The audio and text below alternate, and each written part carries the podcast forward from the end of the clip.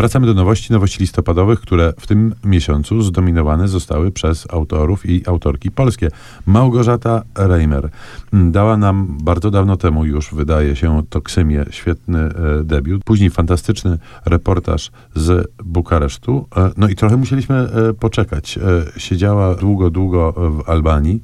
Siedziała i pisała. I w końcu jest. Jest. W końcu książka nazywa się Błoto słodsze niż miód. Głosy komunistycznej Albanii. To jest bardzo dobra książka, która na pewno spodoba się tym, którym podobała się ta poprzednia e, rumuńska. Moim zdaniem ona jest jeszcze taka czystsza formalnie, powiedziałbym. Jest bardzo interesującą opowieścią o, o tym, jak Albańczycy przeżywali swój okres komunizmu. Jak wiemy, był to reżim no, potworny. Reżim Envera Hodży. Porównywać go właściwie można tylko do tego, co jeszcze do dziś dzieje się w Korei Północnej, czyli totalne zamknięcie kraju, jakieś takie potworne, potworne okrucieństwo skierowane przeciwko własnemu e, narodowi. Reimer nie prezentuje tam takiego dyskursu historycznego, nie opowiada tej historii od początku, tylko od razu wchodzi w doświadczenia i wrażenia ludzi i to jest bardzo przejmująca opowieść. Są tam zupełnie poetyckie fragmenty, takie na przykład jak, e, e, jak opis ludzi patrzących na śmieci, które może z gdzieś tam tych bardziej cywilizowanych, wolnych krajów przynosi do wybrzeża albańskiego i te śmieci są takim, taką wizytówką do lepszego świata. Świetna książka.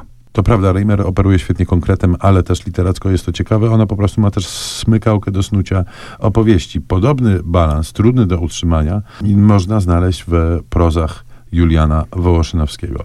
I e, te prozy, e, a chodzi mi konkretnie o e, nowość, e, czyli Przed wschodem księżyca i opowiadania podolskie, to dwa tomy opowiadań, które po raz pierwszy w jednym tomie się ukazują i to jest e, no, cykl podolski właśnie w prozie Juliana Wołoszynowskiego.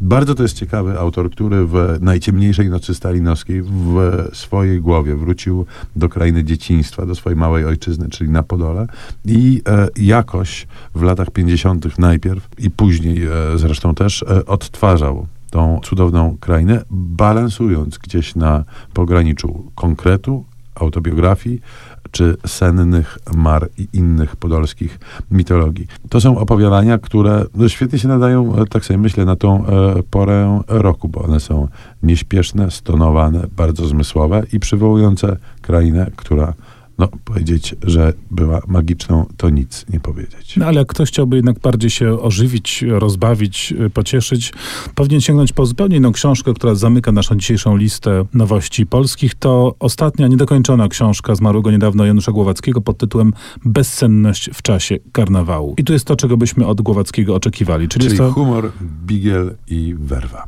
ale także jest tam coś więcej, bo to jest taka książka, która, no, którą łatwo postawić w jednym szeregu z jego wydaną przed y, już ładnych paru laty książką wspomnieniową z głowy. To też jest taka opowieść pełna anegdot, wspomnień, historii o rzeczywistych ludziach, ale podszyta tą taką y, typową dla Głowackiego obserwacją świata. To jest dowcipne, cięte, dające do myślenia, a fakt, że jest to książka niedokończona, ona kompensuje nam posłowie napisane przez y, córkę autora Zuzannę, która opowiada o tym, jak ta książka miała się y, zakończyć, jaki był jej pewien y, taki plan docelowy.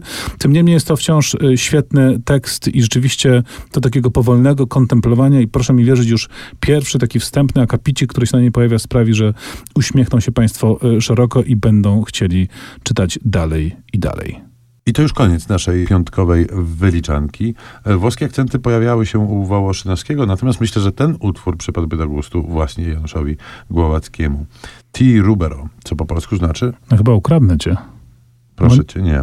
Monika Czetti z pięknego filmu, który nazywał się Wielkie Piękno.